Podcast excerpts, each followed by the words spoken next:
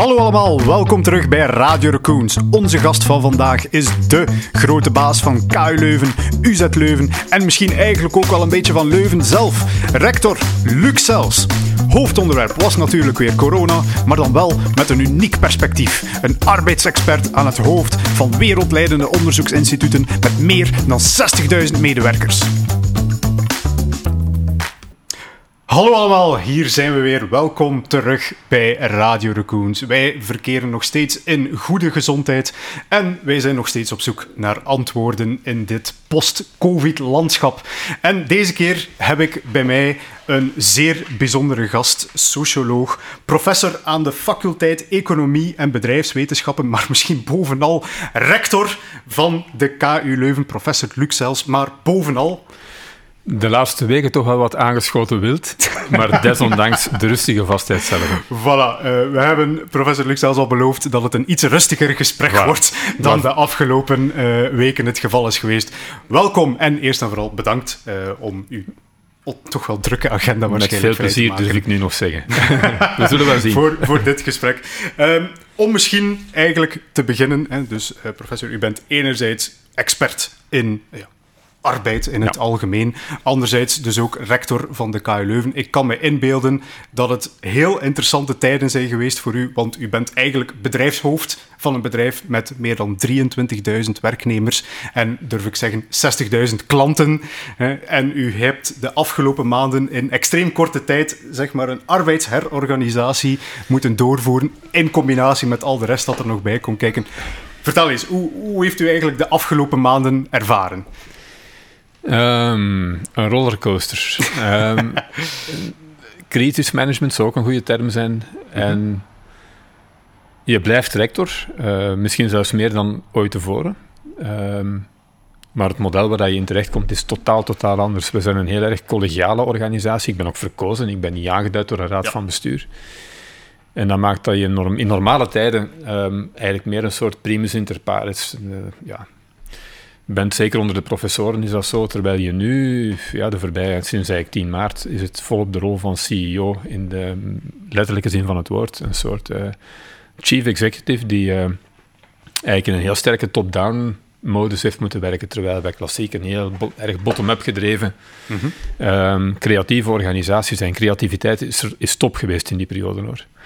Ik moet wel zeggen, mensen denken heel vaak dat wij van de ene dag op de andere uh, geschakeld zijn naar de helemaal digitaal modus. Maar dat is eigenlijk ook niet helemaal waar, want wij zijn begonnen met een crisiscel, waar trouwens jullie vorige uh, gast uh, Mark van Ranst ook lid van was. we zijn met een crisiscel begonnen, ik denk de derde of de vierde week van januari. Okay, dat, dat heeft natuurlijk ook wel zijn historiek. Ik was voor de kerst zelf nog in, in, in Peking. Ik heb wij hadden uh, heel veel personeel, heel veel studenten in China op het moment dat daar de COVID-crisis volledig uh, losbarstte. En dat maakt dat wij toch wel um, ja, signalen, meer en meer signalen begonnen te krijgen. En eigenlijk ook wel de vrees begonnen te krijgen van dit gaan we niet tegenhouden. Die dijk gaat op een bepaald moment breken. In januari waren wij nog vooral bezig met de zorg van hoe krijgen we al die studenten en personeelsleden terug veilig. Hoe krijgen we die ook gerepatrieerd op dat moment. Uh, ik ben dan zelf 12 ik denk 12 februari, um, vanaf, 12 februari, nee, vanaf 9 februari voor 12 dagen, zo is het, in uh, Australië geweest.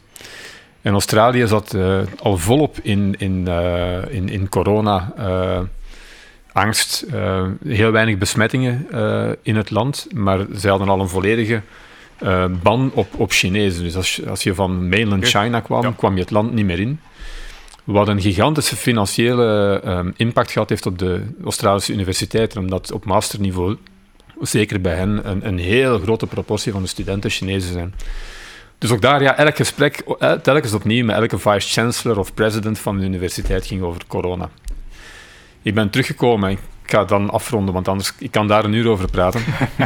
um, heel toevallig uh, zelf in contact geweest met uh, de eerste of een van de eerste besmetten personen in Beieren. Uh, bij, ik zit in de raad van bestuur van de Universiteit van Nuremberg. En dan natuurlijk direct uh, getest, nog, nog in februari, op een moment dat hier nog niemand echt bezig was met testing. De teststraat op Gastensberg was er al wel. En uh, die test was negatief, dus je moet zich geen zorgen maken. blijf rustig zitten. We gingen net mondmasker opzetten eigenlijk. Dus. Uh, dus geen probleem daar. Maar het maakt wel dat wij ja, in de universiteit toch wel, ik ga niet zeggen klaar waren, maar we zijn doorheen de maand februari wel achter de schermen, zeker aan de ICT-kant, ons beginnen voorbereiden met een aantal bijkomende opschalingen in de software die wij gebruiken servers bijgeplaatst. En zeker de, zeg maar de backbone, al wat je nodig hebt om helemaal digitaal te gaan op een vlotte manier, die stond er. En wij hadden ook onze plannen klaar voor hoe dat we dit konden communiceren en hoe dat we dat konden aan de dag leggen om iedereen in die beweging mee te krijgen. Eigenlijk zijn mijn eerste dagen vooral op het politieke forum erg actief geweest. We hebben uh, samen met Herman van Goetem, uh, dus wij beiden, uh, het initiatief genomen om ja, de federale regering, die op dat moment echt niet wou schakelen, toch onder druk te zetten. Dat, zijn dan, dat is dan door de vijf rectoren gebeurd, samen met een aantal van de virologen. Um, en dat heeft dan eigenlijk geleid tot die eerste Nationale Veiligheidsraad. De, de, de moeilijkste stap voor mij is toch wel geweest, niet zozeer het helemaal digitaal gaan in onderwijs, wat van heel veel docenten en studenten natuurlijk het uh, uiterste vraagt, maar vooral de, de stopzetting van het onderzoek, want dan snij je echt wel in de ziel van een universiteit, en zeker een universiteit zoals, die van, zoals de KU Leuven, een heel onderzoeksintensieve uh, universiteit. Um, dat was eigenlijk week twee, uh, net op het moment dat we echt in quasi-lockdown gingen, gingen, met het land. Um, ja, dat is, een, dat is een heel pijnlijke beslissing natuurlijk. We hebben op dat moment enkel het hoogst essentiële onderzoek gecontinueerd. En al de rest is in telewerk uh, gegaan. Um, ik denk dat we om het af, wat af te ronden, een heel mooi parcours gereden hebben. Zowel op het politieke forum, waar, je echt, waar ik echt op de eerste rij heb kunnen volgen al die maanden. Ik denk ook, voor zover je kan, um, van een mooi parcours spreken in iets wat je hals over kop moet doen, dat we al bij al uh, het maximum mogelijke gedaan hebben in die digitaliseringsbeweging. En ik ben ongelooflijk trots voor wat we gedaan hebben in juni met de examenperiode. Uh, mm ja. dat, uh, we zijn een van de enige universiteiten in Europa geweest die, en wellicht degene die daar het verst in gegaan is, in on-campus examens. Dus eigenlijk tegen de stroom in. En dat is een beslissing die ik genomen heb op de absolute piek van de pandemie. Dus eigenlijk op dat moment al de gok wagen toch wel ergens van... We gaan in juni de studenten terug op de campus uitnodigen in een perfect veilig kader. En het was spectaculair. Brabant al in, uh, in gebruik, het voetbalstadion van OHL. Um, anderhalve meter, perfect in orde. Um, stewards binnen en buiten. Het, het, het was eigenlijk een... Uh, het, ik heb het één keer wat foutief in de pers, want ik heb er wel commentaar op gekregen, gezegd van ik voel me meer festivalorganisator dan uh, rector. Maar dat gaf een wat de feestelijke sfeer in het geheel. Um, het was eigenlijk goed bedoeld na zoveel weken in ons kot. Um, maar maar het zijn, je moet aan totaal andere zaken denken. En je, um, je neemt de leiding in zo'n beweging. Ik heb het crisismanagement echt ook wel naar mij toe getrokken. Maar natuurlijk, die je staat voor een collectief van, uh, ja, weer terug, die, die, die, duizenden personeelsleden die, die toch het, beste van zichzelf gegeven hebben. Voor mij persoonlijk, ik heb ze aan twee uh, kanten meegemaakt. Mijn wederhelft is ook prof aan dezelfde universiteit. We hebben twee kinderen thuis van tien en zes, die ook niet meer naar school konden. Dus je kan in de combinatie van een zeven dagen week met twee kinderen die je thuis de deur niet uitkrijgt en die mee in het kot zitten, uh, met dan nog een partner die haar online lessen de hele dag zit op te nemen. Uh, ja, complex was het best wel. Dat is nu een heel persoonlijke noot, maar goed, je, ik denk dat dat je ook wel tot betere beslissingen leidt, want je, je beleeft het eigenlijk ook wel van diegenen die denk ik het hardst afgezien hebben, namelijk thuiswerk hebben moeten combineren met een onmogelijke situatie. Um, dus dat maakt u denk ik ergens ook wel wat sterker. Um, qua complexiteit is het in mijn leven een, uh, ja, een ongeziene periode geweest. Het, het, kan ze met geen enkele andere periode vergelijken. Uh, zeker omdat UZ Leuven toch ook nog onder de verantwoordelijkheid meevalt. Okay, ja. Dus het ziekenhuis ken, heeft natuurlijk zijn eigen bezonjes gehad in die periode. Uh, ik ga er niet verder op ingaan. Iedereen heeft dat kunnen volgen via de, via de nieuwsuitzendingen. En ik sluit heel graag af met... Uh, ik krijg nu altijd de vraag van hoe waren die vorige maanden, terwijl ik mij eigenlijk veel meer zorgen maak over de volgende maanden. Okay. En waarom? Uh, ja. Omdat um, het virus nog altijd onder ons is. En je hebt ook gezien de voorbije weken en maanden, hoewel dat niet hm. vergelijkbaar is met de eerste piek of golf, hoe snel uh, de situatie terug in, in problemen kan brengen. Ik weet niet of dat jullie de, de verhalen van de laatste twee weken van de Amerikaanse universiteiten gevolgd hebben. North Carolina, at Chapel Hill, um, geopend de, de, ja, midden augustus. Uh, in ongeveer de vorm die wij ook willen aan, uh, aan de dag leggen. Laten we zeggen, helft van de bezettingsgraad op de campus, de rest online. En zijn binnen de twee weken terug moeten sluiten. Mm -hmm. um, en eigenlijk allemaal aangevuurd door enkele studentenfeesten die uh, ja, niet legaal waren, buiten de campus waren en, en die het virus terug aangejaagd hebben. Dus dat was niet zozeer dus eigenlijk kan... de, de lessen terug die op de, kamp, op de campusactiviteiten, nee, maar eigenlijk de... Het campusleven is in theorie perfect ja. veilig, daar ja. durf ik ook mijn hand voor in het vuur steken. Mm -hmm. Maar je, je, je wilt tegelijkertijd niet door externe evenementen een superverspreidingsevent maken van een college in een auditorium. Mm -hmm. Dus het wordt toch wel wat, wat zoeken. En kijk, de, de helemaal digitaal beweging was bijzonder zwaar voor iedereen die ze moeten maken heeft en was technologisch een uitdaging. Want je moet ook al van, van uw, uw, bandbreedte tot uw, servercapaciteit, uh, al de, het aantal studenten die op, een, uh, op een, een, Skype for Business meeting kunnen aansluiten. Je wordt in alle dimensies, zo klein en voor groot, ook uitgedaagd. Maar nu gaan wij voor een model waarin we een heel groot deel van die onderwijsactiviteit terug op de campus willen organiseren. Uh, in een soort sponsachtig model, namelijk toenemende viruscirculatie betekent lagere bezettingsgraad. Dat betekent constant schakelen, misschien van, ik ga niet zeggen week tot week, maar wel zeker van maand tot maand. Daar verwacht ik mij aan. Dus de complexiteit daarvan die is veel groter, vind ik. Um, zeker ook het studentenleven controleerbaar houden. Um, dat gaat lukken. Ik durf ook daar wel mij eh, toe engageren. Um, maar dat is, dat, dat, is veel complexer. We zijn eigenlijk al een zomer lang bezig met de voorbereiding van het academiejaar. Ja, absoluut. Ja, u bent dus geconfronteerd met een hoop uitdagingen, ja. uh, mag ik uh, gerust wel zeggen. Technologische uitdagingen, uh, politieke uitdagingen, vermoed ik dan ook.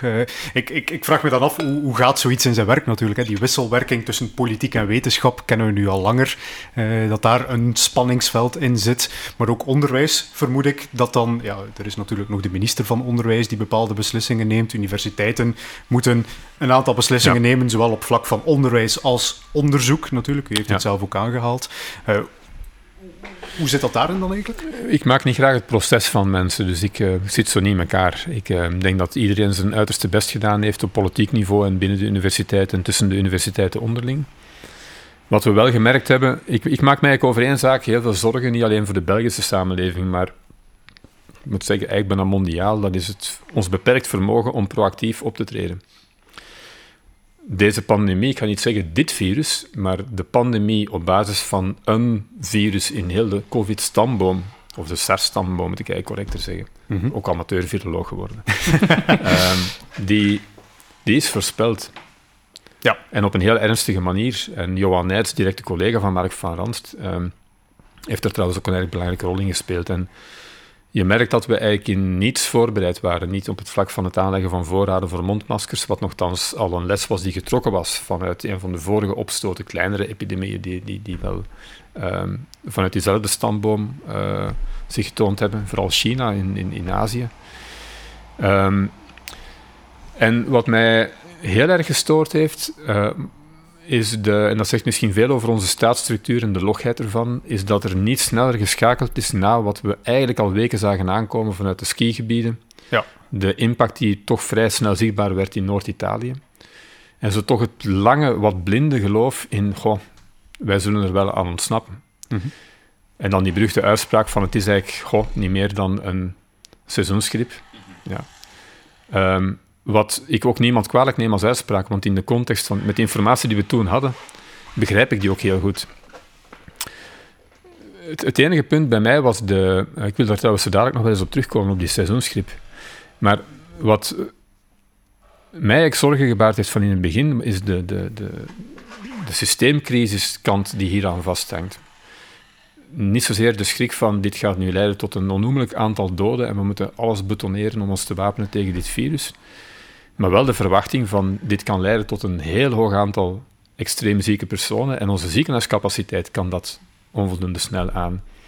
En eigenlijk heel die lockdown-idee, die eigenlijk door de rectoren heel sterk beklemtoond is van in het begin, van ga, ga, ga, neem uw maatregelen en durf ver gaan, die had eigenlijk te maken met het besef van als we dit niet voldoende snel doen en eigenlijk nog op een niveau van lage viruscirculatie toch al in een quasi-lockdown gaan, dan gaat de ziekenhuiscapaciteit na drie, vier weken zodanig onder druk komen dat we eigenlijk in Noord-Italiaanse toestanden ja. komen en mogelijkerwijze erger dan dat. ik verwees er net naar die seizoensgrip. Ik blijf tot op vandaag, en dat wordt het moeilijke voor dit jaar, um, mij heel veel zorgen maken over die vergelijking die altijd opnieuw opduikt. Van ja, maar het totaal aantal doden eigenlijk zoveel hoger dan bij een klassieke seizoensgrip ligt het toch niet? In de oversterfte. Goed, in België ligt ze te hoog, maar dat is dan de systeemcrisis die daaronder schuil gaat. Uh, nu, wat mensen in de vergelijking volledig uit het oog verliezen, is dat zelfs mocht het aantal doden nu vrij vergelijkbaar zijn met een seizoensgrip, ik heb nog nooit een seizoensgrip meegemaakt waarvoor dat we in lockdown gegaan zijn. Ja. Voor dit virus zijn we in lockdown gegaan. Cijfers vergelijken tussen een situatie in lockdown en een situatie van open publiek leven. Je moet geen, uh, geen toptalent zijn uh, in, om, om te begrijpen dat dat helemaal niet opgaat. Ja.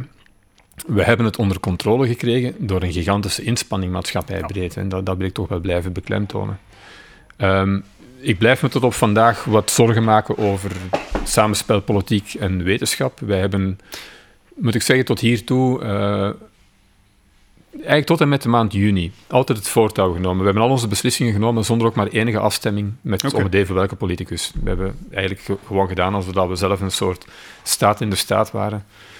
Maar om goede redenen. Uh, en niemand zit zo dicht bij de bron van informatie dan een universiteit zelf, want al die virologen mm -hmm. en epidemiologen die komen uit diezelfde universiteiten.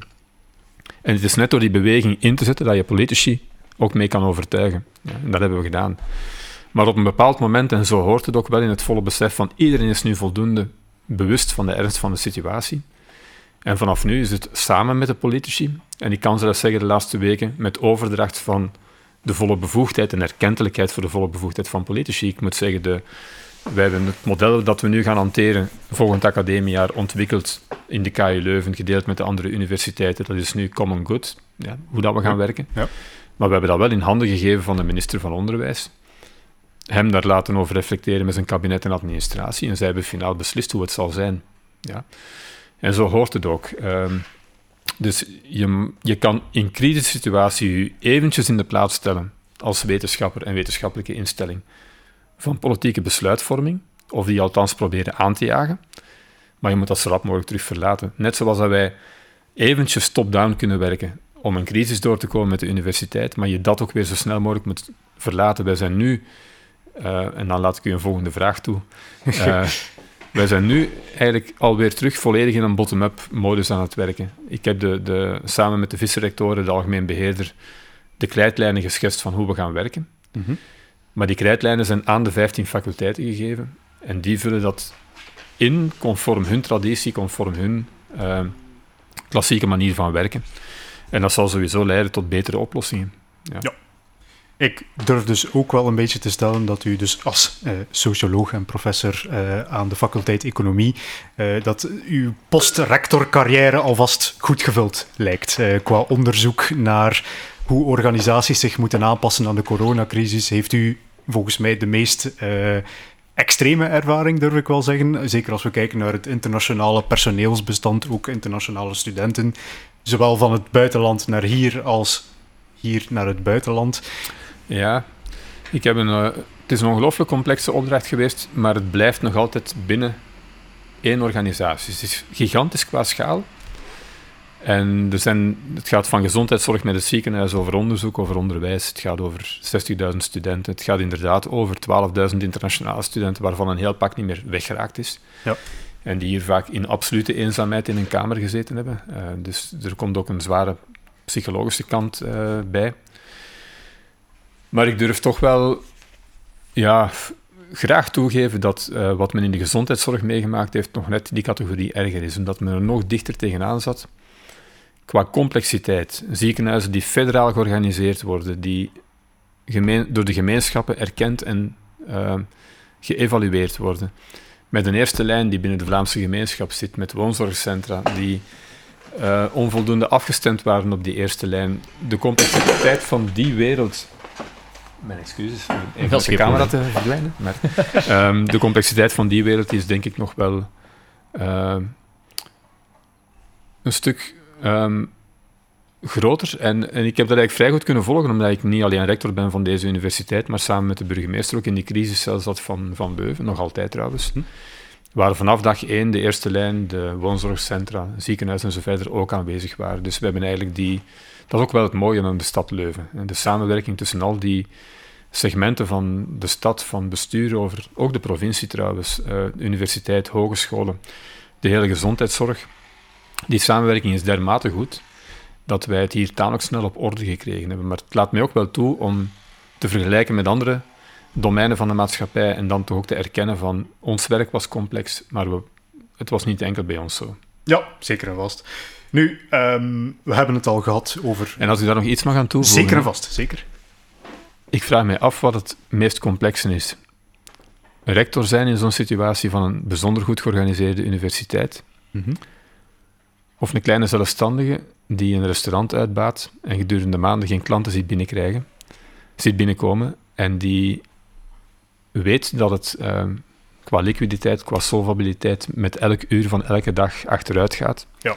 En dat het een grote twijfel wordt tussen het failliet of de doorstart. En dat lijkt mij nog qua impact, qua zowel emoties als het denkwerk dat je, dat je op dat moment moet ontwikkelen, nog van heel andere orde. Ook al is het een, een piepkleine, een heel kleinschalige entiteit. Ja, dus laten we die vergelijking toch ook altijd maar blijven maken. Zeker, Leidt tot bescheidenheid. Ik kan ook alvast zeggen, mijn vriendin is verpleegkundige, heeft ja. zelf ook op de frontlinies gestaan. Ja, dus uh, voilà. we kunnen zeker en vast zeggen dat er heel wat inspanningen geleverd zijn in, in zowat alle ja. lagen van de maatschappij, uh, durf ik misschien wel zeggen. Wil ik meteen ook eens op terugkomen. Uh, Eén is dat ik nog wat behandelen. Dus we hebben het al kort gehad over het onderwijs aan de KU Leuven. Hè, hoe dat het onderwijs gaat veranderen, een beetje de flexibele ja. structuur.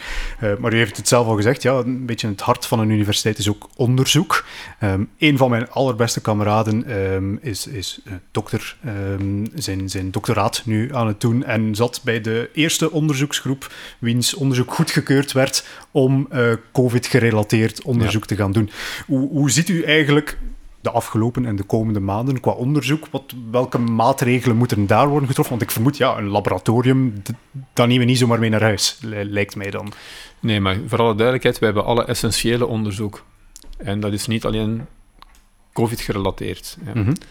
uh, ook rond andere zware pathologieën, bijvoorbeeld in de biomedische wetenschappen, zijn er heel wat experimenten blijven lopen, simpelweg omdat je ze heel veel schade creëert op het moment dat je ze onderbreekt. Uh, dus die continuïteit is er altijd wel wat geweest. Um, tegelijkertijd hebben we op heel korte termijn um, met middelen van de universiteit, van het ziekenhuis en heel veel schenkingen van alumni en niet-alumni van de KU Leuven toch een aparte financieringslijn kunnen opstarten rond al het uh, klinisch onderzoek en eigenlijk preklinisch onderzoek uh, rond COVID hier en daar ook al wel wat basisonderzoek gericht op de lange termijn proberen te financieren. Dus daar zijn eigenlijk, je kan zeggen dat daar de onderzoeksintensiteit toegenomen is in die periode. Okay, ja, dus ja. is, uh, in die zin moet je altijd heel goed uh, uh, schipperen en nadenken wat je doet. Hè. Je, je probeert schade in termen van pandemische effecten te verminderen door activiteiten stil te leggen, maar je probeert er andere op te schalen omdat ze oplossingen kunnen aanreiken. Wat wij ons niet kunnen permitteren is de um, ja, in de volgende maanden het onderzoek uh, opnieuw stilleggen. Dus wij, zitten, wij zijn erkend als een essentiële activiteit, dus wij kunnen blijven werken op elk moment. En de bedoeling is nu toch wel van wel te werken aan aanvaardbare bezettingsgraden op de campussen. Dus wij, hebben nu, wij werken nu volgens de, wat wij noemen de, de vuistregel van de helft. Dat betekent dat je probeert op elk moment de bezetting van, een, van, van onze gebouwen tot de helft van het personeel te beperken. En de andere helft zit dan in, in thuiswerk of in telewerk. Maar de labo's, de, de, alle experimentele ruimte, um, die, die, die draaien volop. Ja.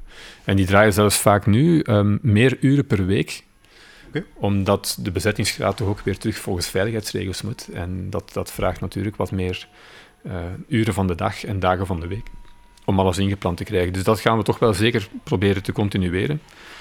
Um, en ja, binnen, binnen het hele COVID-verhaal is natuurlijk nu de race echt die naar een vaccin. Dus wat nu binnen Rega gebeurt, uh, Johan Nijtsen team, uh, daar is onze hoop wel op gevestigd momenteel. En dat is een, uh, de absolute prioriteit om daar nu aandacht aan te geven. Ja, oké. Okay.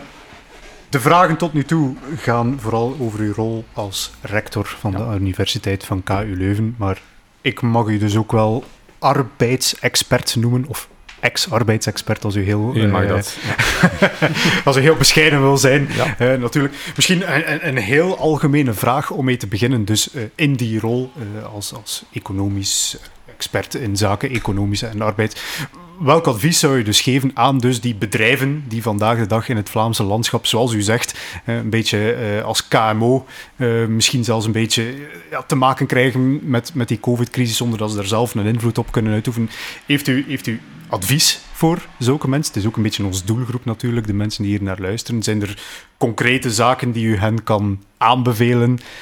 Dus het is natuurlijk een hele brede vraag. Eh, Ja, het is een onmogelijk te beantwoorden vraag, omdat die, eh, alles hangt heel erg af van de, de concrete sector waar je over praat, Mhm. eh, het- de aard van de bedrijfsactiviteit. Ehm, pandemie gerelateerd zal het ook een kwestie zijn van zich heel slim te organiseren, want wat wij niet kunnen blijven doen maatschappelijk is wat we nu doen, is eigenlijk het oppotten van arbeid. Hè. Tijdelijke werkloosheid is enorm gepiekt de voorbije maanden. We hebben eigenlijk mensen ja, in tijdelijke werkloosheid gehouden of via andere mechanismen uit de arbeidsmarkt gehaald tijdelijk om te voorkomen dat ze in werkloosheid terecht zouden komen. Ja. Maar je kan dat niet blijven aanhouden, dat is financieel simpelweg te zwaar. Dus de kunstmaatschappij breed nu is een goed evenwicht vinden tussen de gezondheidsinsteek en de bezorgdheid voor een zo laag mogelijk houden van de besmettingsgraad in combinatie met een zo hoog mogelijke heropvering van de economische activiteit. Ja. En dat is de reden ook waarom ik wetenschap niet boven politiek wil plaatsen en politiek niet boven wetenschap. Het gaat in deze fase om eh, twee stemmen die samen moeten klinken. En ehm, ik voel nog wel dat men die bereidheid heeft om telkens het maximum mogelijke te doen. Telkens met heel veel discussies. Hè. Kijk naar de discussie van de culturele sector, de aantallen die wel binnen mogen op eh, evenementen. Ehm, ik ehm, begrijp heel goed dat dat ehm, altijd geïnterpreteerd wordt door de betrokken sectoren in termen van drempels. Terwijl van politieke kant ik heel vaak hoor van ja, wij proberen net kansen te creëren. We proberen toch een minimum aan activiteit echt wel terug, terug op te starten. Ja. Ehm, dat is voor mij denk ik eh, echt, echt, echt cruciaal. Hè. We ze komen nu toch in de fase dat het aantal eh, faillissementen gaat beginnen toenemen. Dus het durven opstarten, het durven doorstarten, het eh, durven nadenken over goede organisatiemodellen die u ook bij een toename in besmettingsgraad toch toelaten om te continueren, dat is nu voor mij echt cruciaal. U heeft eigenlijk ook al een beetje een antwoord gegeven op mijn volgende vraag, want het is wel degelijk de rol van de overheid hè, die, die zij daarin moeten spelen. Zij hebben een enorm moeilijke opdracht, want namelijk zij moeten Absoluut. enerzijds kiezen tussen het welzijn van de burgers. In extremis zouden we kunnen zeggen van kijk, we blijven allemaal vijf maanden binnen en we doen helemaal niks en dan eh, hebben we maximale levens gered waarschijnlijk. Anderzijds is er natuurlijk de economie. We willen niet dat we eh, binnen vijf maanden allemaal werkloos zijn en, en eh, Ja.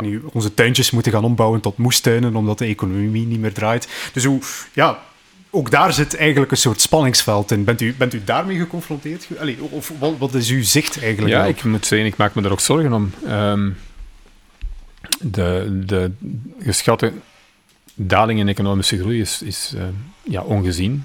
Ehm, zowel voor Vlaanderen als voor België. En de worst case scenario's, die bekijk ik liever niet meer, want die zijn echt zorgwekkend. Mhm. En het baart mij zorgen op verschillende niveaus natuurlijk. Hè. Gegeven mijn achtergrond al wat met arbeidsmarkt te maken heeft en wetende welke defecten zijn van, ehm, van werkloosheid bijvoorbeeld, ja, zit je met die zorg aan de ene kant. Ook als rector van deze universiteit besef je dat je ehm, drie jaar van heel mooie groei, ja, we hebben denk ik de recordinkomsten dit jaar, als ik kijk naar de hele geschiedenis van de KU Leuven, een schitterend jaar achter de rug.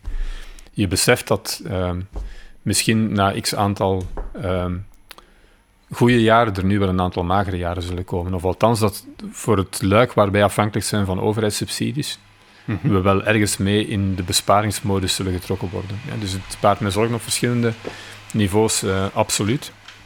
Ehm, maar dat wil niet zeggen dat je om die reden en enkel om die reden nu zeg maar alle grenzen moet lossen en, en alle maatregelen moet versoepelen Ja. en maar terug naar een normaal publiek leven eh, te gaan. Nogmaals, ik, eh, er- was vorige, eind vorige week de het editoriaal van Nature, eh, ging over de bijzondere kenmerken van het, van, van het coronavirus. En van COVID-19 als ja, de pathologische kant ervan en alle symptomen ervan. En dan zie je toch wel, ehm, het stond ook onder de titel van dit is niet zomaar een respiratoire ziekte. Ja, Ja. De, de, de impact is eh, qua gezondheidsrisico toch echt wel een stuk eh, hoger. Dus we moeten die voorzichtigheid absoluut aan de dag blijven leggen. Dus het wordt, ja, het wordt voortdurend schakelen tussen economisch proberen de relance, dat is de term die, die vandaag van tel is, zijn gang laten gaan en tegelijkertijd die gezondheid blijven prioriteren. Ja, en eigenlijk heel concreet, is er dan eigenlijk zelfs iets dat wij als België kunnen doen, hè, als klein bootje op de economische wereldzee? Eh, zijn, zijn er maatregelen, zijn er zaken die wij kunnen doen? Ik, ik had onlangs nog een, een hele discussie met iemand waarbij dat de vergelijking met Zweden werd gemaakt, Ja. waarbij er veel opener is, is omgegaan met die crisis dan, dan hier in België. Allee, opener als in eh, veel minder Ja. strenge maatregelen enzovoort. En, en de conclusie van dat gesprek was uiteindelijk van, ah, maar de Zweedse wereldeconomie is ook gekrompen. Ehm, en ja, dat is vooral omdat zij afhankelijk zijn van wat de rest van Europa aan het doen was. En dan ja, concludeert je zo misschien iets wat moeilijk van, is er wel iets, allez, maakt iets wel verschil uit dat wij op nationaal niveau uitvoeren? Kijk, het is voor mij nu veel te vroeg om de macro-economische impact hiervan in te schatten, want Mhm. je gaat meerdere bewegingen tegelijkertijd krijgen. Hè. Je zit eigenlijk in een soort anti-globaliseringssentiment ehm, dat niet aangestuurd is door de pandemie, maar de pandemie verergert dat wel. Dat heeft negatieve kanten in die zin dat eh, al wat met internationale handel te maken heeft, wellicht hier en daar wat gedempt zou kunnen worden. En dat is Mhm. potentieel schadelijk voor een open economie zoals de Vlaamse. Daar staat tegenover dat misschien wel ehm, er meer aan eh reshoring gedaan wordt, eigenlijk aan eh, vroeger geoffshore, geoutsourced Ja. activiteit terug naar onze eigen economie gezogen wordt. En daar de, de, de positieve en negatieve trends tegen elkaar afzetten, dat is een, eh, dat is een heel moeilijke zaak. Je zit tegelijkertijd nog met een aantal andere bewegingen die we wat uit het oog aan het verliezen zijn. Hè. De, de protectionisme van de regering Trump in de VS. Brexit, waar we Ja. nog maar net de eerste indicaties van aan het inschatten waren op het moment dat deze pandemie losbarstte. Dus ik hoop dat dit... ehm, ik blijf hopen op een wat sterker Europa. Ehm, ik vind... Kijk, mijn collega rector van de Universiteit van Berlijn, de Vrije Universiteit Berlin, die zei mij in een vergadering een tijd geleden van ik ken de pandemiemaatregelen van het kleinste Duitse dorp beter dan die van Nederland, België en Frankrijk. Oké, ja. En dat zegt veel over de gespreide slagorde waarmee in deze eerste beweging, en dat begrijp ik heel goed, gereageerd is. Ja. Elk land heeft andere maatregelen genomen. Er is heel veel protectionisme geweest, ook op gezondheidsvlak. Eh, trucks met eh, mondmaskers die naar hier op komst waren en die tegen- aan grenzen tegengehouden zijn. Dus elk vecht wat voor zijn eigen rechten op dat moment. Dat is heel pijnlijk om aanzien, vind ik. Dus ik, het is zo'n crisis waar Europa zijn potentiële toegevoegde waarde voor mij misschien nog wel het sterkst bewezen heeft. Alleen moet ze dat nu ook wel zien te verzilveren in concrete acties en in acties van meer solidariteit. En dat is ook voor mij nodig, want het alleen hebben van open economie zonder een goede concertatie in al wat met relance te maken heeft, gaat ook niet werken. Dus we gaan ja, sterke regeringen nodig hebben. Een sterke overkoepelende Europese Commissie. En onderbouwd en geflankeerd door sterke wetenschap. Er zijn tegelijkertijd in zo'n periode ook echt wel kansen. Ehm, als ik kijk naar de relanceplannen, worden nu eindelijk eens keuzes gemaakt. Bijvoorbeeld al wat te maken heeft met gezondheidsgerelateerde economie. Ehm, een soort health economy 4.0-achtig concept van ehm, het herdenken van heel de gezondheidszorg en het op punt stellen daarvan. Al jaren wordt dat gezegd, maar niemand voert de daad echt bij het woord. Ik denk dat we nu zowel ergens een momentum hebben. Ja. Je hebt soms die diepe crisis wel nodig om in een aantal van die segmenten echt wel keuzes te beginnen maken, ook naar staatsstructuur toe. Wij zullen op agility, zoals het zo mooi eh, heet in het Engels, ja, uw echte slagkracht, die, die, die moet omhoog. We moeten veel sneller kunnen reageren op dit soort crisissen, maar ook op andere beurscrashes, noem maar op. En dat, eh, dat is een oefening die nu wel volop loopt. hè. En dat is dan weer hoopgevend voor de toekomst. Ik, Ja. ik hoor het u heel graag zeggen. Eh, mensen die mij kennen weten waarschijnlijk dat ik behoorlijk Europees gezind ben. Ja. Zeker, eh, dat, dat was mijn nummer één verwondering. eh, zo van waar is Europa hier? En gaan wij als eh, Europese landjes serieus terug allemaal in ons eigen stulp gaan kruipen en met elkaar gaan concurreren? Het is, Ja. het, is, het, is, het heeft er even zo naar uitgezien. Het, het, het, het deed pijn aan mijn hart, dat kan ik alvast zeggen. Uh, nu nog een, een laatste COVID-gerelateerd semi-COVID-gerelateerde vraag, voordat we ook een beetje breder uh, willen gaan praten, is misschien één iets dat ik ook wel gemerkt heb, is dat de afgelopen maanden uh, naast zeggen, de wetenschappelijke strijd tegen het virus en de sociologische strijd tegen het virus, dat er ook een soort omgekeerde beweging aan de hand is. Uh, een beetje de strijd die van bepaalde kringen wordt gevoerd tegen de wetenschap, tegen expertise in het algemeen. Professor Van Ranst eh, zal er wel van mee kunnen meepraten. We hebben er ook met hem over gepraat. Hoe ervaart u dat eigenlijk als universiteit? Heeft u zelf al meegemaakt? Zijn dit impressies die we krijgen die uitvergroot worden door media misschien? Of is hier echt wel ja, een, een soort jammerlijke opkomst aan de gang? Ik, ik moet zeggen, ik, uh, ik doe niet graag aan doemdenken. En het, het, het probleem met media zonder ook maar iets slecht te willen zeggen over media. Um, eigenlijk het probleem met nieuws is dat het nieuws ingaat op wat afwijkt van het normale. Mm En na verloop van tijd beginnen we te denken dat het de afwijking het normale is, want de afwijking is wat we elke dag in het nieuws horen. Hm? En we vergeten daarbij dat um, heel veel van het normale gewoon zijn gang gaat. Natuurlijk, dat nieuws beïnvloedt publieke perceptie. Absoluut. Dus dat heeft altijd een negatieve impact, ehm, bijvoorbeeld in perceptie over wetenschap. Maar als ik nu kijk naar de wetenschapsbarometer voor Vlaanderen, dan moet ik vaststellen dat de wetenschap op zich, ik heb het niet over de individuele wetenschap per, maar het mhm. instituut, de wetenschap en de universiteiten, eigenlijk nog het instituut zijn waar de, de Vlaming het meest vertrouwen in heeft op dit moment. Dus het is niet zo dat het vertrouwen in de wetenschap um, um, zwaar ondermijnd is. Ik denk ten tweede dat ze zich een stukje bewezen heeft de voorbije maanden. Maar met een heel ondankbare casus. Hè. Dat, daar staan mensen te weinig bij stil. Men verwacht nu glasheldere antwoorden van een viroloog vanaf dag één. Ja. Terwijl zelfs nu in de huidige fase, we hebben vorige week nog een discussie gehad, Mark was er ook bij trouwens op uh, eh, UZ Leuven, ook rond de vraag hoe we het uh, academiejaar gaan aanpakken. Het ging concreet zijn, mag dat weten. Het was een, een, discussie die we hadden over de riooltesten die we nu doen. Dat is eigenlijk een soort early warning systeem dat we ontwikkeld hebben. Um, en, en we hadden het daar over de, de vraag van de superverspreider. Wat is dat nu eigenlijk? Is dat iemand met een hele hoge virusload, een individu? ja. Of gaat dat veel meer om iemand met een normale virusload, maar die gewoon in een heel hecht sociaal netwerk zit en veel mensen besmet? En eigenlijk dat soort simpele vragen. We hebben ze al lang, ja, superverspreider, bespreken ervan in ons dagelijks taalgebruik. Maar intussen weten wetenschappers nog niet exact welke definitie dat er welke definitie erachter schuil gaat en hoe groot die variatie in viruslading van iemand nu eigenlijk kan zijn. Dus je verwacht glasheldere uitspraken over iets op het moment dat de, de vragen zelfs nog niet scherp gesteld zijn. Ja. Wetenschap kan niet. Wetenschap gaat om met het meest onvoorspelbare in ons leven. Dat is onze stijl. Ja. Je probeert eigenlijk het onzekere terug te brengen tot hanteerbare proporties, maar dat kan je niet op een week, niet op een maand, niet op drie maanden. Ik weet wel één ding zeker: zonder die wetenschappers, zonder de virologen, zonder de epidemiologen en hun inzichten, Ehm, die ze ruim gedeeld hebben, zonder het initiatief naar zich toe te trekken, want ze hebben een vacuüm ingevuld. Hè. Wie, hen nu, wie hen nu aanvalt, vergeet wat zij gedaan hebben. Dat is een vacuüm gevuld. En ik kan het niet beter uitdrukken dan dat. Ik weet zeker, je moet altijd nadenken, tegenover de kost van foutieve uitspraken staat ook de kost van geen uitspraken en van niets doen. Die kennen we niet, maar die zou volgens mij veel hoger geweest zijn wat we nu meemaken. Ja, absoluut, zeker en vast. Ja, het, is, het, het was ook, ik, ik was zelf uh, uh, zonder vereerd, nerveus eigenlijk zelfs om met professor Van Rans te kunnen spreken, want dat was echt in, in de diepste ja. uh, quarantainetijden was dat echt van, ah, daar zit een wetenschapper.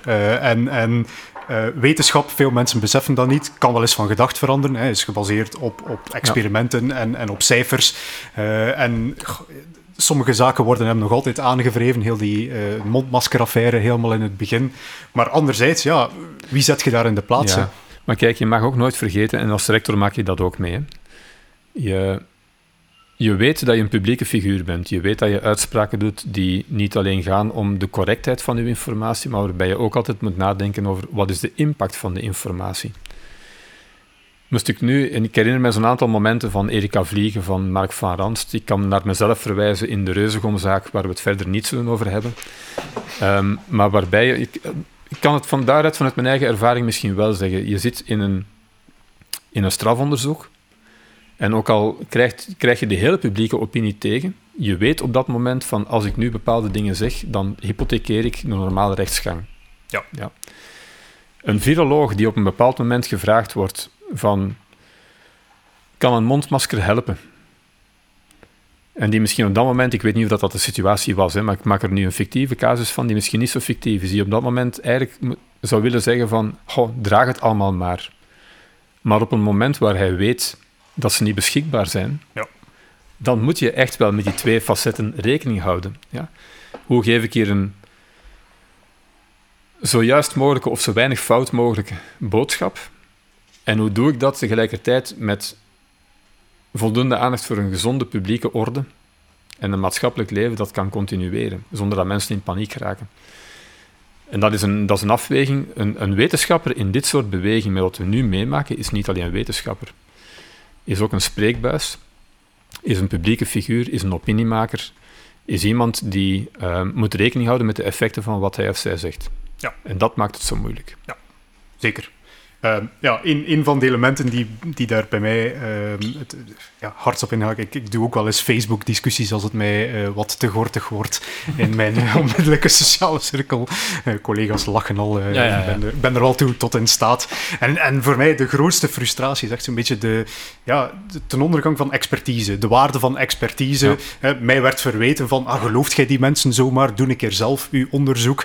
Terwijl ik in mezelf dacht van, je hebt geen idee hoe moeilijk onderzoek is. Hè, hoe, wat, wat dat Ja. daarbij komt kijken. De confirmation bias alleen al. Men leest een artikel en men denkt meteen van... Ah, kijk, voilà, ik, eh, ik heb gevonden wat mij aanstaat. Dit is, dit is nu de waarheid. En ja, ik vind dat een... een Ja, het, het, ik vind, ik ben heel blij dat je dat zegt. En je zal natuurlijk in mijn medestander hebben in wat je zegt. Zolang we maar erkennen dat expertise niet iets statisch is. zeker. De waarheid zoals we die vandaag kennen, dat is ook eigen aan wetenschap. Die kan morgen weer anders zijn. En je hebt met elkaar concurrerende waarheden, ook binnen wat we wetenschap noemen. Ja, alternatieve oplossingen voor eenzelfde probleem. En die moeten hun plaats krijgen, absoluut. Ehm, dat is eigenlijk één punt. Een tweede punt, mensen die de expertise aanvallen, die doen dat niet op het moment dat ze op, op, op een operatietafel liggen. Die doen dat niet op het moment dat ze met hun iPhone naar iemand bellen of daar hun e-mails checken. Ja. Eh, die doen dat. eh, Kijk, er is, er is een heel mooie Amerikaanse studie die proberen uit te zoeken heeft hoeveel van de producten van Amerikaanse multinationals, eindproducten, terug te voeren zijn aan fundamenteel basisonderzoek binnen universiteiten. Oké. Ja. En men komt ongeveer op een schatting van 75 à 76 procent. Wat voor mij betekent dat de expertise die zo makkelijk aangevallen wordt, gewoon de kwaliteit van ons leven bepaalt. Ja. En op de meest positief mogelijke manier. Ook met zijn risico's. Hè. Denk aan dual use onderzoek en militair onderzoek. Eh, Het, het, het kan alle kanten uitgaan. Maar dat is expertise. Drie vierde van de vooruitgang die wij ervaren in het leven, die is terug te voeren op wat we dan vandaag zo neerbuigend expertise noemen. Ja. Expertise is geweldig. Van op hun iPhone, eh, Ja. verbonden met het wereldwijde web. Allemaal gecreëerd door een eindeloos leger Ik moet, ik aan- moet soms mensen in mijn, in mijn directe omgeving daarop wijzen dat ze... Mij helpt het, want, want we hadden het in het voorgesprek over KU Leuven. En wat is nu eigenlijk KU Leuven? En ik zei toen aan jullie van, ja, Gastensberg, UZ Leuven zit mee in KU Leuven. UZ Leuven is voor mij eigenlijk een, eh, een, een geschenk als het gaat om mensen overtuigen over het belang van wetenschap. Mhm, ja. Want dan kan ik voor hen in een aantal lijnen heel duidelijk aangeven hoe basisonderzoek naar translationeel onderzoek, naar preklinisch, naar klinisch en finaal naar de operatietafel of de, eh, de ingreep of het zorgpatroon eh, leidt. En, en dan, dan valt plots die, die twijfel over het belang van wetenschap weg. Ja. Dan ziet men ook... En, en hetzelfde geldt voor humane wetenschappen en voor wetenschap en technologie. Ja, die lijnen kan je perfect doortrekken naar die andere domeinen, maar het is omdat het daar zo sterk het individuele welzijn en de gezondheid raakt, dat het herkenbaar wordt en voor mij een dankbare casus is om het belang van die deskundigheid eh, toch te blijven beklemtonen. Absoluut. De, de, de kost van het niet hebben van universiteiten is niet becijferbaar. dat, dat, De, daar- de kost van het wel hebben, die bestaat niet, want het gaat om een investering. Absoluut, absoluut. Kijk, dat was eh, de laatste vraag die ik wou stellen, eh, die een beetje corona-gerelateerd is. Laat ons misschien eh, de klok een paar maanden terug Ja. draaien en proberen terugdenken aan de voortijden, toen we nog andere zorgen aan ons hoofd hadden dan, dan zo'n virus. Ehm, ja, we leven ook wel op het vlak van arbeid een beetje in hele interessante tijden, want er zijn allerhande bewegingen aan de gang. We hebben globalisatie, eh, we, hebben, we hebben vergrijzing, allerlei emancipatiebewegingen, digitalisatie die ook doorweegt Ja. op organisaties. Ook als arbeidsexpert moet dat volgens mij enorm interessant zijn, want er zijn een hoop, varia- een hoop variabelen die allemaal tegelijkertijd een inwerking hebben op hoe een organisatie moet evolueren. Ik zou zelfs zeggen ongeprecedenteerd eh, in zijn snelheid en, en zijn Ja. facetten. Ook, eh, ja, welke evoluties zijn volgens u nu naast eh, de hele corona-epidemie, volgens u het belangrijkste? Hè? Wat, wat zijn zo dingen die heel zwaar aan het doorwegen zijn? Laat me eerst eens zeggen over dat ongeprecedenteerde. Ook, dat, ook op dat vlak ben ik een zeer saai mens om te interviewen, want ik ga dat dan weer direct in, eh, eh, in twijfel trekken. Ehm, we maken heel wat schokken mee op die arbeidsmarkt, maar het volstaat om terug te gaan naar de jaren 1930, om eens echt te begrijpen wat een schok is op een arbeidsmarkt. Ehm, en het ehm, volstaat, als het gaat om digitalisering en technologie, mensen denken dan direct aan de robot die arbeid doet verdwijnen. Ik blijf altijd maar opnieuw beklemtonen dat de grootste golf daarin, dat we die eigenlijk achter ons liggen hebben. Wat de robotisering gedaan heeft en de informatisering in het algemeen met eh, de echte fabrieksarbeid. Ja. Ik, ik blijf altijd maar opnieuw beklemtonen van mensen, inderdaad, technologie gaat nog vormen van arbeid overbodig maken of vervangen. Maar de grootste vervangbeweging, die hebben we denk ik wel achter ons. Als je kijkt naar hoeveel honderdduizenden jobs. ehm, je moet maar eens gewoon kijken naar de concentratietrends in de automobielsector om te beseffen wat mogelijk geworden is door robotisering. ehm, ook in termen van totale werkgelegenheid. Dat is eigenlijk eh, één punt. Als u vraagt zelf, heel kort, want de tijd ehm, gaat hier zeer snel vooruit. Voor mij toch digitalisering, Ja. maar niet omwille van het totale impact op het volume arbeid. Wel omwille van de enorme impact naar de samenstelling van uw eh, werkende bev- bevolking en het type jobs dat overleeft. Maar ik verwacht geen daling in de werkstelling. Oké. En dan ten tweede, eh, maar het zijn natuurlijk ook wel de twee punten waar ik het meest rond gewerkt heb, is eh, al wat te maken heeft met vergrijzing, demografische veranderingen. En vooral de combinatie van de twee, omdat digitalisering ehm, de houdbaarheidstermijn van wat we competenties noemen inkort. Mhm. Je ziet dat aan de levenscyclus van producten, je ziet dat aan hoe snel de, de tools, het gereedschap waar mensen mee werken, de context waarin ze werken, verandert door die eh, ehm, technologiebeweging. Dus je moet veel sneller terug in bijscholing en nascholing. En je moet dat doen tegelijkertijd in loopbanen die alsmaar langer en langer worden. Dat is dan de impact van die vergrijzing. Het is de combinatie van die twee die eh, voor ons de grootste uitdaging eh, vormt. Je moet rekenen, ik ben nu 53, daarmee is het grootste geheim van deze uitzending eh, vrijgegeven. Ehm,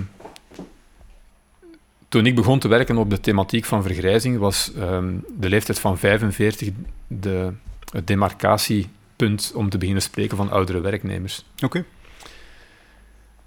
Vandaag beginnen we te spreken over... eh, kijk, Zweden is aan het simuleren momenteel met loopbanen tot 75. Duitsland werkt met een leeftijd nu van 69 tot 70 ehm, in het maken van zijn simulaties. Dus dat betekent eigenlijk dat met langer studeren een, een, een leeftijd van 45 of 50 eerder mid-career is, of aan het worden is, Ja. dan de eerste stap naar het einde van de loopbaan. En ik zit al in de cohorte die mag werken tot 67. Ik zeg bewust mag werken tot 67. Dat betekent momenteel voor mij toch ook nog altijd een tijdspanne van 14, 15 jaar. Ehm, dat is totaal anders dan de generatie van 10, 20 jaar geleden. Ja. Ja. Ehm, maar ik ben wel iemand die, eh, die, die optimistisch blijft over de mogelijkheden. Ehm, ik zie zowel in de... Kijk, in, in, in het domein van digitalisering zie ik dat elke prognose van het vernietigen van jobs gevolgd wordt door een groei in jobs. Dus daar volstaat het voor mij om terug te kijken naar het verleden om mij weer een stukje geruster te voelen. Ja.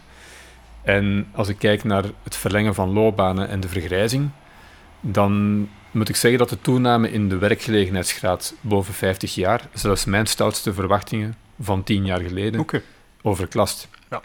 En ik heb er zelf met verdomd hard voor ingespannen om daar te geraken. Via het onderzoek, via expertise. Daar is het woord weer. Ja.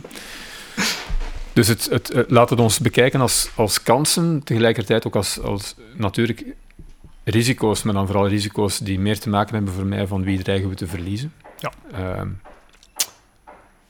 maar ik, ik, kijk, om er eens een positief verhaal van te maken. Stel je nu eens voor, nog drie minuten.